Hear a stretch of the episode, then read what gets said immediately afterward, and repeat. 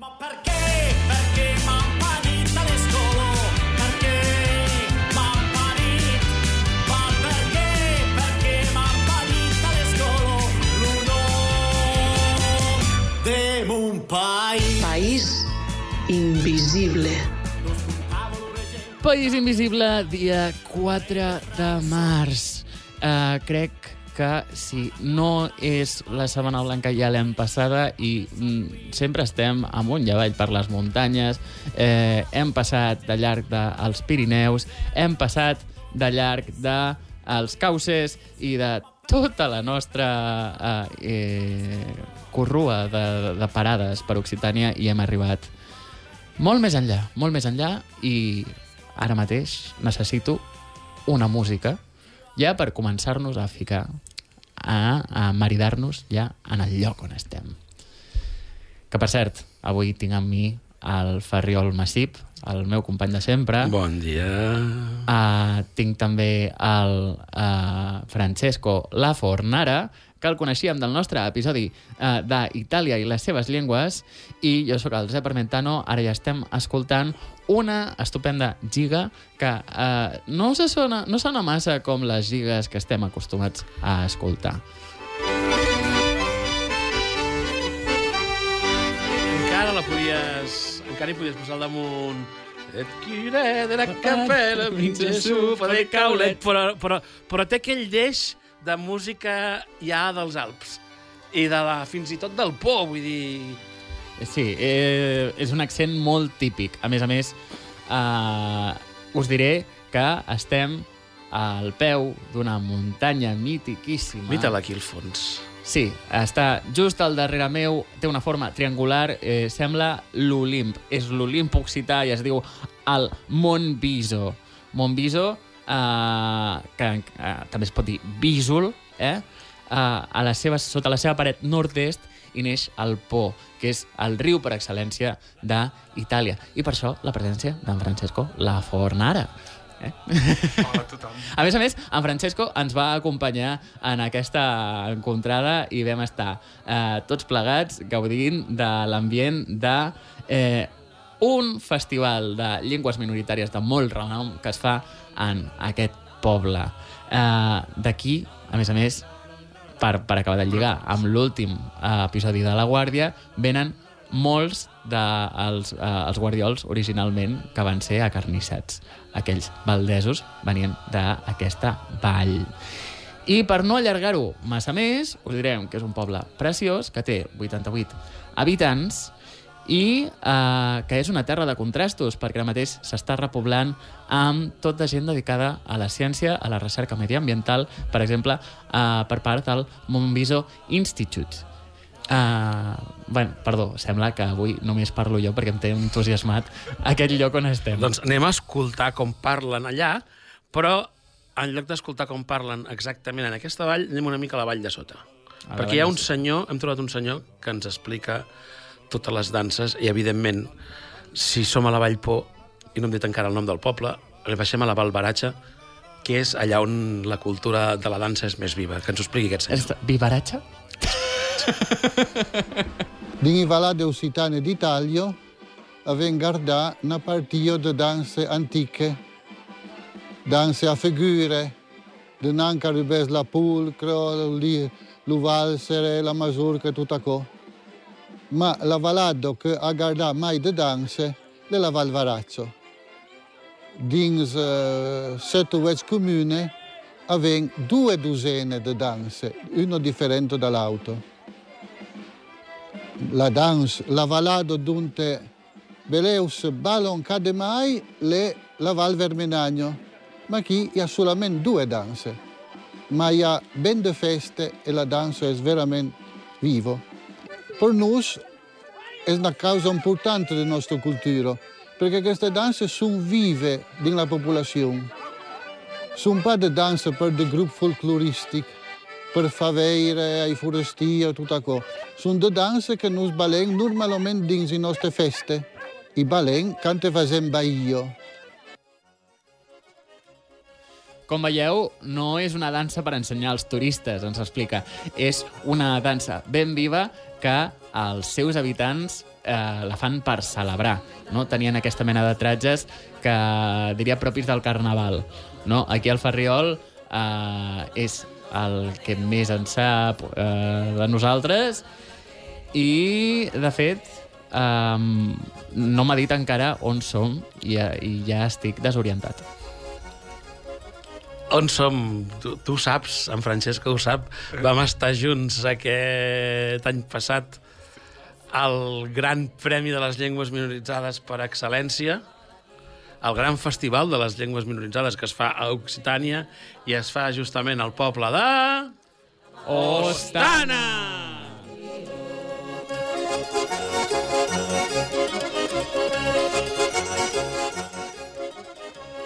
Molt bé. Doncs sembla que heu descobert el poble d'Ostana on s'hi fa el Festival de Língua de Minoranza o Língua Maire, no? A, de, uh, és un premi, és un premi on, on es conviden uh, diversos actors culturals de llengües petites com ara l'aragonès, el friolà, i moltes altres que en Francesco ens podria enumerar una per una perquè és, és eh, el, el bon saberut de ling linguaidialetti.it Bueno, sí, eh, la veritat és que va, va ser un- una experiència fenomenal.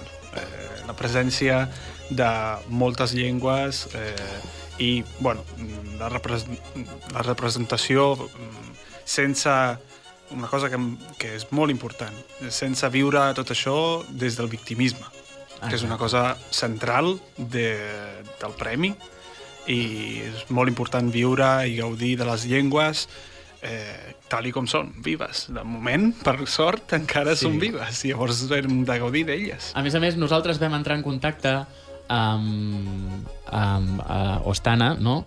quan l'embarrament, quan estàvem tots tancats a casa per, per la pandèmia, ells van començar a fer una campanya molt més basada en les xarxes i van fer fins i tot eh, un premi virtual i des de llavors creiem que ha tingut molt més abast i és per això que hem d'anar sempre amb totes a les xarxes.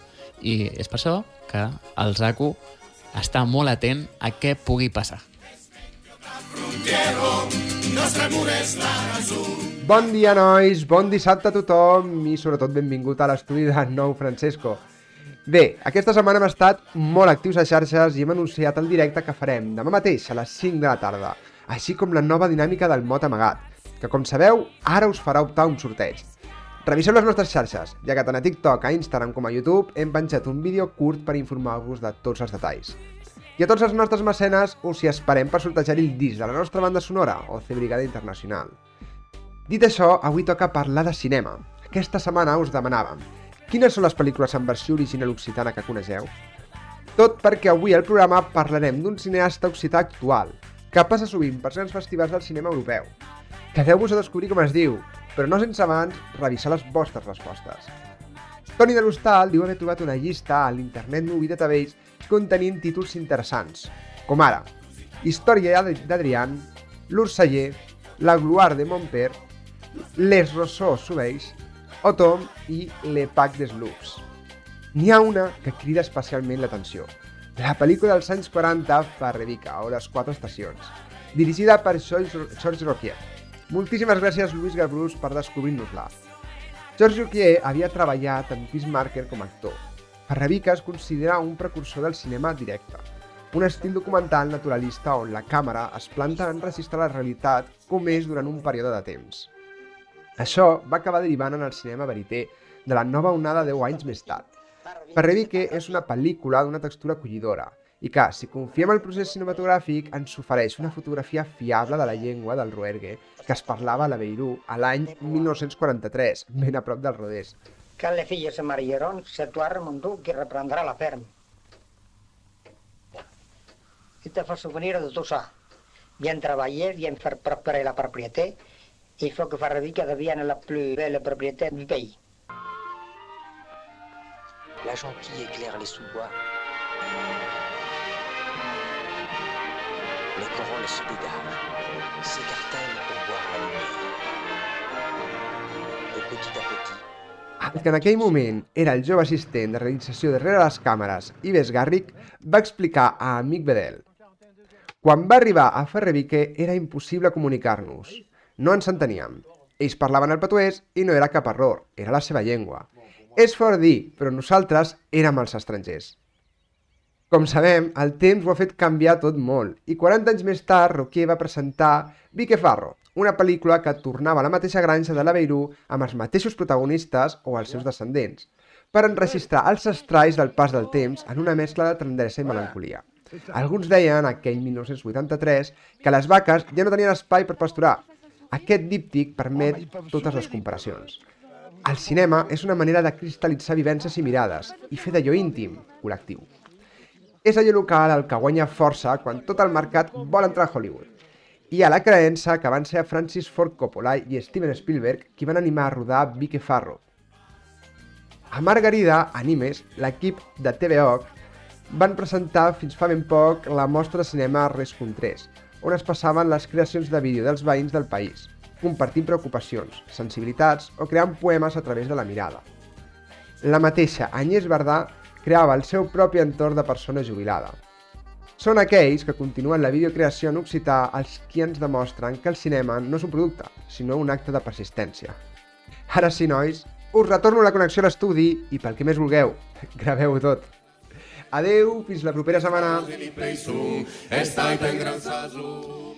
I hem tornat. Aquesta és una de les meves cançons preferides de Blue Lazard, que és un grup que sempre eh, s'uneix a Ostana per tocar les seves cançons, tot i que, eh, com dèiem abans, la vall més viva és la Val Baratxa i també tenim la Val Maire i tenim fins a 12 balades occitanes on el domini lingüístic encara perdura.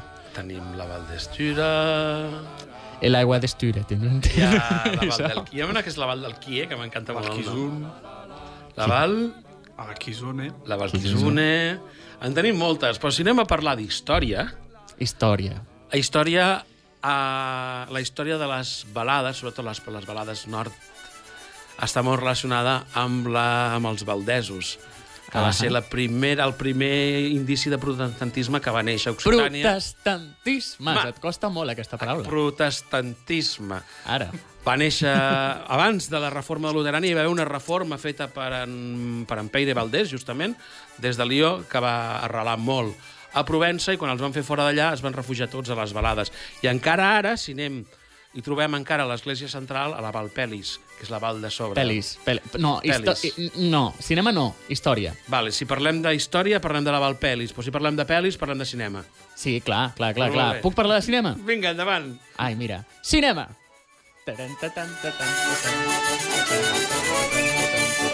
M'encanta. Per fi em doneu una mica d'atenció amb la meva càtedra, la càtedra, la càtedra del cinema. No sabíeu vosaltres que en aquestes valls italianes va néixer el realitzador i director Fredo Balla, en Fredo Balla, que eh, ja eh, acapara molts anys de treballar amb directors com Giorgio Diritti.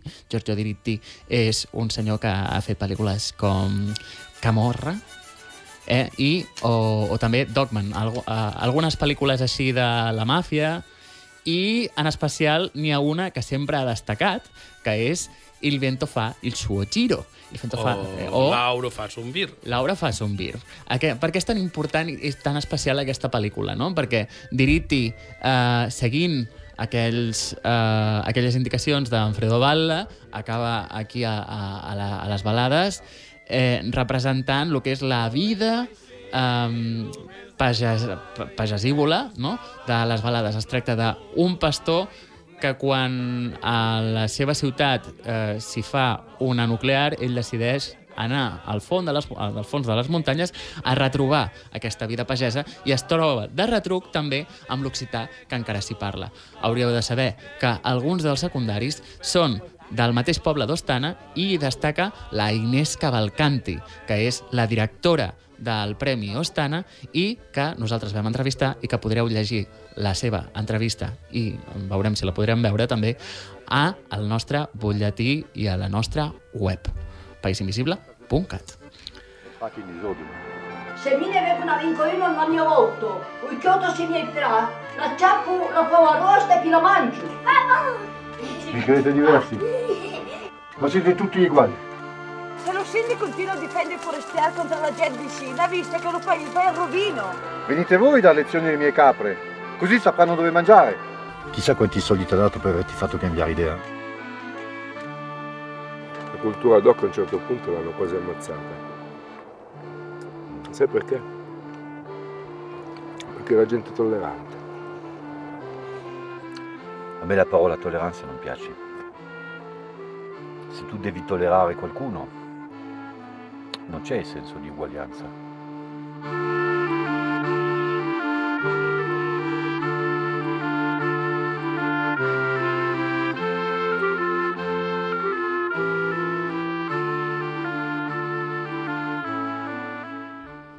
En Fredo Valla eh, eh, va néixer a la vall del costat, a Sant Peire, eh, i ara viu a Ostana. De fet, vam estar a casa seva, vam veure la seva... Vam, vam tenir contacte amb ell amb la seva darrera obra, que és una pel·lícula impressionant, un documental bugre. Sí, un documental, a Un més a més, documental- sobre la, La diàspora no, dels càtars. Càtars. La diàspora i la persecució, i sobre com era una cosa d'abast europeu. Sí, sí, una pel·lícula que comença tan amunt com a Bòsnia, era Bòsnia, Ah, no? comença a Bulgària i comença acaba a a Bòsnia. Bulgària, acaba a Bòsnia, passa per uh, Béziers, on parlen amb el Béziers, Serdoc, Montsegur, tots els racons de la creuada. tots els racons de la creuada, també Itàlia, evidentment, no? perquè és una pel·lícula italiana, no? però és un, també bilingüe i se'n surt prou bé a posar en paraules eh, una, un moment de la història del qual no ha quedat gairebé res. Però espera't, resulta que en Fredo Valla és de Sant Peire. Mm. I és un ciutadà il·lustre de Sant Peire, i enguany, és que Sant Peire fan una festa molt important. Bueno, de fet, les Bahios es fan una mica per totes les balades, però Sant Peire, la Bahio de Sant Peire, és impressionant. Està documentada ja des del segle X i se celebra, em sembla que és cada 5 anys o cada 10 anys, ja ho tinc aquí apuntat. Cada Se celebra cinc cada anys. 5 anys. I enguany l'han feta. La van fer els dies 5, 12 i 16 de febrer, seguint un guió super estricte que remunta ja fa més de mil anys i que aquest mateix senyor de la Valbaratxo que ens explicava les danses ens explica la Bahio de Sant Peire. A més a més, és una avançada de carnaval, no? Perquè dèiem? Eh, Va més o menys lligada. Sí, per això, per això també els tratges. Doncs endavant, endavant el, el senyor de Sant Peire. I Bahie sono de feste che vengono dalla tradizione, vieille, vieille, che si fanno dal tempo di Carlevà. Ma diciamo pas che Carlevà, perché i Bahie sono de feste che si fanno sul serio. Con tutto il rispetto, scasi come feste per la religione, ja, sono pas solamente in Valvaraccio, ma a San Peire, le, le, la villa che noi ha guardato i Bahie più importanti, più grandi a San Peire si fa questa festa ciasche cinque anni e quando si fa hi ha da 400 a 500 uomini che si vestono e fanno baio. A queste nostre danze sono da danze a figure. Vuol dire che ha tanti tocchi di musica, una per l'auto sta già, tutta la danza, e e dal mesmo tempo i ballerini fanno delle figure differenti, camminano in canza, camminano dell'auto, ballano salsit, viren, e a ciasca toquet de musica correspon una figura. No, no, estàvem aquí superengrescats comentant si anaven del fil, si anaven de bisbes, o si era una figureta, o, o què és aquest tratge eh, regional que se'ns presenta al davant. Uh, ningú s'atreveix a fer a, a fer una...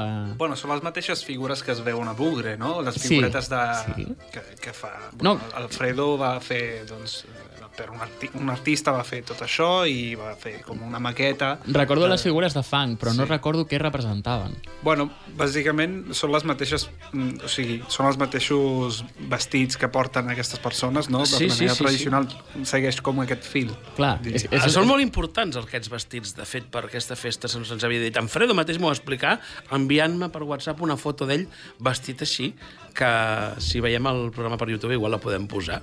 Sí. Uh, És una festa que té segles i segles, és del segle X.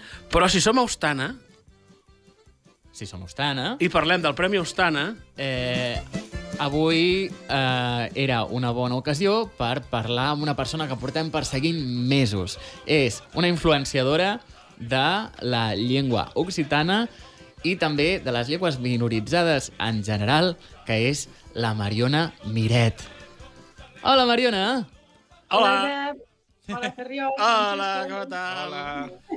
Et veig molt bé, Mariona, com estàs? Bé, i vosaltres? Estupendos. Sí. Molt bé. Ai, Sí, ha anat, estem parlant del Premi Ustano, que bonic. Sí, sí, t'hem convidat per diverses coses, perquè tu et vas engatjar amb el Premi Ostana perquè havies treballat, o no sé si encara treballes, amb la Chambra Doc, no? Sí, sí, jo treballo amb ells, m'ocupo del sector internacional, sobretot. Exacte. Eh, ets la... Uh, les relacions internacionals d'aquesta associació que uh, comparteix l'occità del Piemont, no? No sé... La Xambra Doc, bàsicament, Sí. es dedica a protegir i a promoure l'occità de les valls occitanes del Piemont, el franco-provençal i el francès als ajuntaments que es defensen de llengua francesa. I a més a més, eh, això t'ha portat també a ser traductora eh, i organitzar fins i tot els teus, eh, els teus propis esdeveniments. Vas una mica per lliure, ets, ets realment aquesta influenciadora 360 que buscàvem. Eh? Soc freelance i em vaig posar una mica aquesta cosa de revitalitzadora lingüística perquè al final és el que estic fent, per tant, per què no? Sí, realment sí. Ah, bé? Ens arriba el- l'àudio una miqueta tallat o...? No, això som nosaltres, Ah, que els micròfons estan fent tonteries. Però això, uh, ho tenim tot. Tenim el Premi Ostana, uh, que esteu organitzant cada any. A més a més, hem vist també que al Premi Ostana hi ha com una gran representació del català i com molta estima pel català també, no? Sí, sí, sempre hi ha hagut catalans que van al Piemont i que van a retrobar-los allà i cada any hi ha catalans que venen al premi i sol haver-hi un premiat cada un parell d'anys que és de llengua catalana. Premi traducció, premi jove, premi especial, sempre hi ha algú. I aquest any vau ser-hi vosaltres.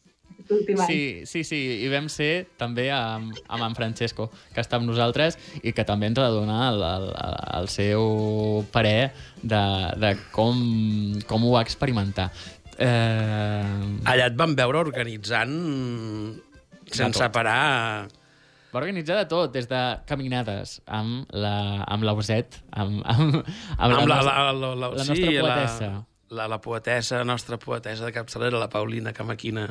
Uh, que sí, lectures en tipus de català, perquè recordo que n'hi havia un que era de l'Alguer, n'hi havia... Un de Mallorca. Un de Mallorca. La, la Mariona de Lleida. També és, és que és molt xocant per part d'un català de, cor, de cop anar-se'n en- als Alps i trobar-se um, una, uh, una solista soprano cantanta rossinyol o rossinyol, no? Jo recordo que aquestes, aquestes coses a mi em van impactar i mm, sobretot hi havia un sentiment de, de família molt fort, no? I tenir converses en occità i que l'altre Tenir converses respongui en sard. occità, que et responguin en sard. Els sards van ser molt interessants. Eh? I com que ningú feia una cantera i nosaltres som de la cultura de les canteres, la vam començar nosaltres.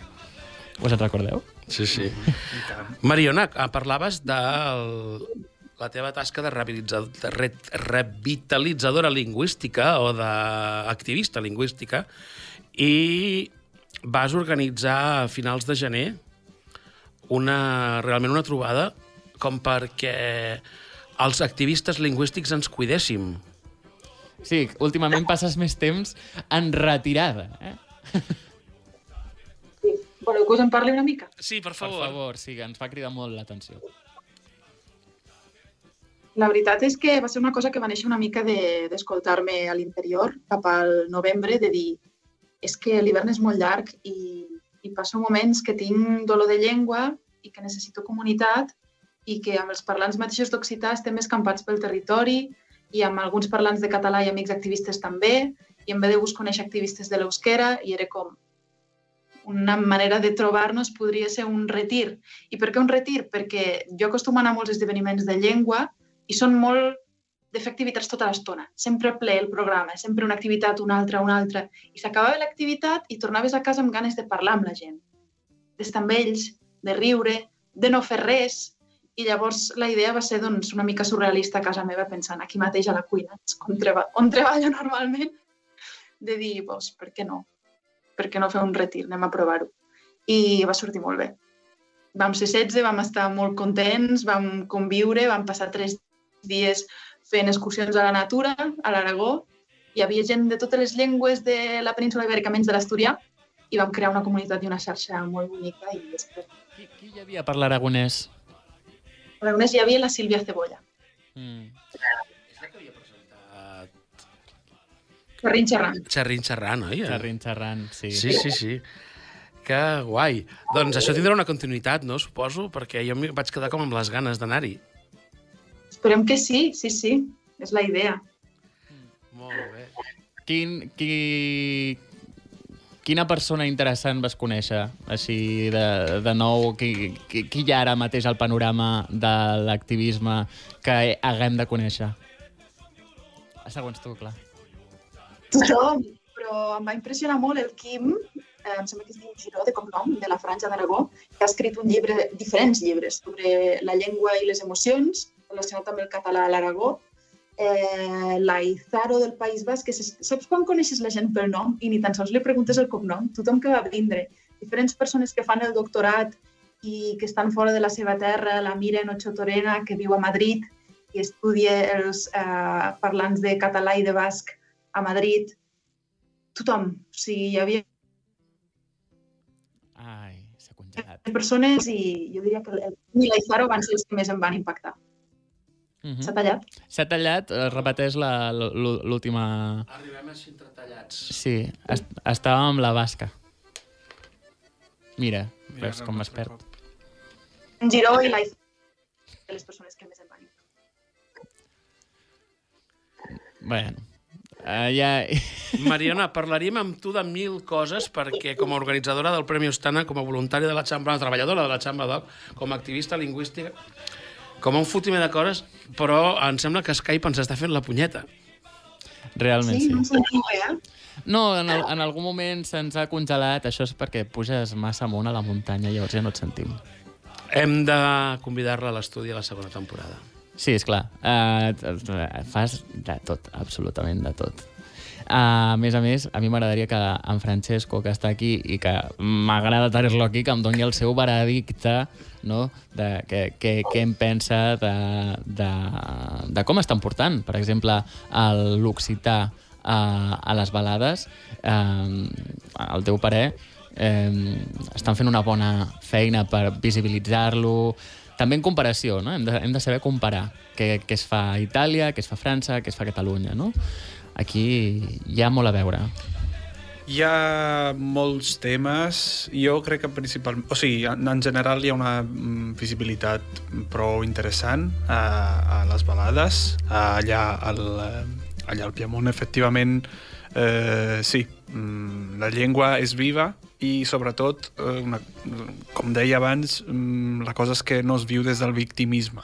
I és una cosa important, jo crec, perquè s'està començant... de la resta d'Occitània. Sí, per desgràcia és un, una diferència molt, molt important que s'hauria d'aprendre una mica de, doncs, de la zona cisalpina, podríem dir. Eh? Eh, perquè al final, entre una cosa i l'altra, doncs, aquesta gent està fent una feina molt interessant de visibilització. Eh, bueno, jo, jo mateix vaig entrar en contacte amb ells eh, fa, bueno, fa ja mm, més d'un any, quan vaig començar a estudiar occità, jo em vaig apuntar a un curs de llengua de la Xambrodoc que feien en línia. I la veritat és que, bueno, van prou bé, són gratuïts perquè estan financiats per la llei 482 del 99 d'Itàlia, que és aquesta llei que protegeix algunes de les llengües d'Itàlia, però, bueno, per sort, almenys, aquesta està protegida. I És curiós, l'occità està protegit i el piemontès no, oi? Correcte.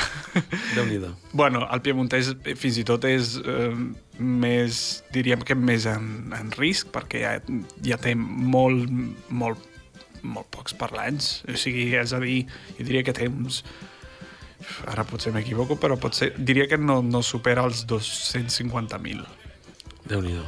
Ja, és, és una llengua, ja, bàsicament en, en una generació o dues, com a molt, ja, ja no hi serà. Mariona, ets aquí encara? Això que dèiem d'aprendre d'interpretar la llengua des del victimisme, com ho veus tu? Ostres, això és una de les coses que a mi va fer que volgués treballar amb els occitans italians, que els dic jo. Perquè he treballat amb els occitans aranesos i he conegut els occitans de França i de tots ells, els que a mi em van enamorar per aquesta mena de soltura italiana, aquest rerefons cultural, aquesta autenticitat, aquesta improvisació. No saps com es faran les coses, però es fan. A mi em va enamorar de treballar amb ells. I també el fet que, bueno, la Ines i tota la seva família, la Chambra Doc, són molt acollidors. I vas allà a visitar-los i dir, és que vull visitar la Chambra Doc. I et diuen, sí, queda't una setmana a dormir. I així vas fent amistat. I fent amistat comences a riure i fas activisme d'una altra manera. I després a mi m'agrada molt que tenen una visió, la Ines Cavalcanti, centrada al futur. O sigui, per ells, el moviment de les llengües és, ha de ser una campanya interna Internacional. nacional. No és allò de com la del camí. el que podia haver sigut i no sé, i no és, No, exacte. o sinó què podem fer d'aquí, què podem fer cap endavant, no? No, i no plorar, i deixar de plorar. I deixar de plorar. Prou, ja està. Anem a riure, Ja anem, a- anem a viure la nostra llengua amb alegria. Sí, es nota, es nota molt eh, aquesta força, no? tenint en compte que estem parlant de pobles de 80 habitants, 40 habitants, no hi ha massa cosa. Però, en canvi, fixeu-vos um, quina descendència cu cultural de deixa uh, tot, tot, tot, aquest, uh, tot aquest bullidor que tenim uh, els Blue Lazard, tenim lo Delfín, tenim lo Seriol, Llijari. tenim Llijari, Llibalús, tot això que us dic són grups de música que, que són d'aquesta zona i que eh, es pategen l'Occitània sencera i que són molt bons. I que, a més a més, tenen un punt de vista de la música molt nou, també. Uh, de fet, uh, jo, uh, abans que em preparava les músiques, deia és que això em recorda el Mago de Oz, no? És aquella... Realment, té un punt folk, però també té un punt rock i té un punt de molta força. Sí, és aquest optimisme que dèiem, no? Sí, la Mariona riu perquè em sembla que també em segueix això. Sí. Uh, posa'm en alguna d'aquest tipus. Per exemple, jo ten- tenia marcat una de Paradicte, que són, són músiques molt, molt, molt mogudes, molt mogudes. Qui- Quin era l'altre? El Gai Saber també era bo. Oi que sí? Sí, Gai Saber és un grup que molt canyero. Molt canyero. Veus? Mira, puja-me-la. Aquest és el Jan de l'Aireto?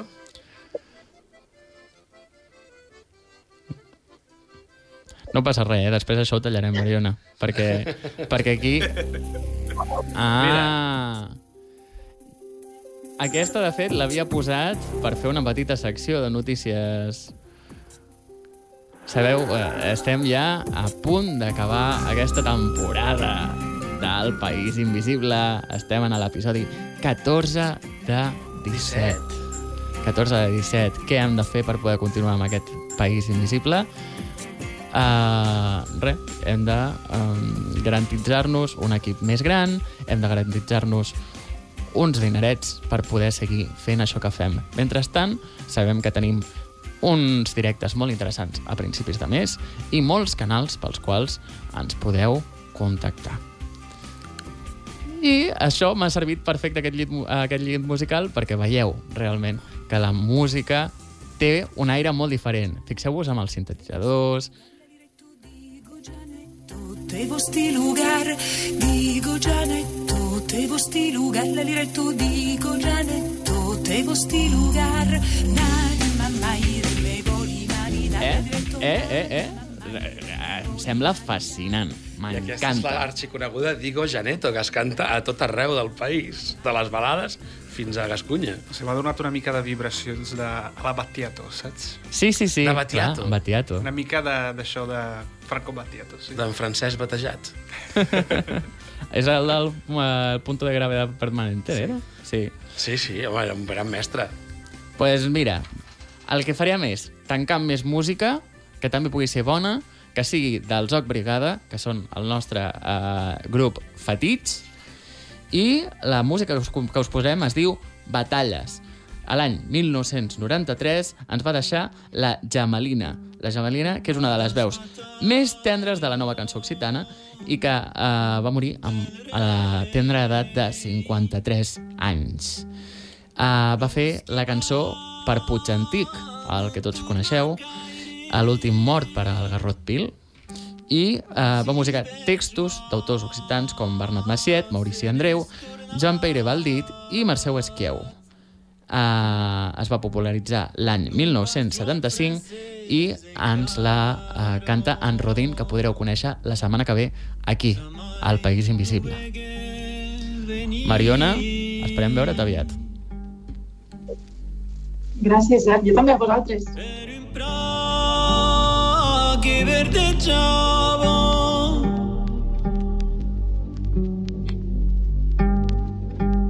Cuneghetta su una gaccia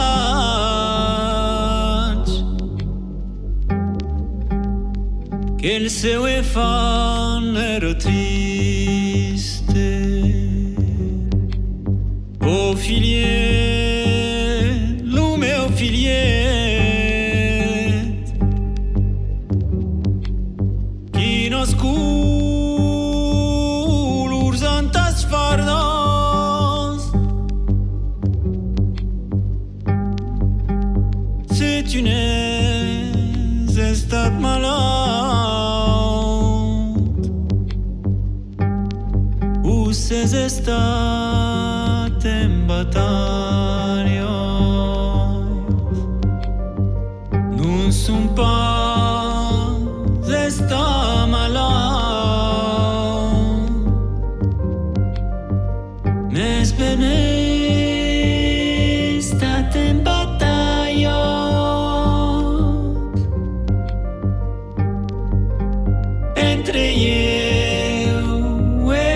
carnaval.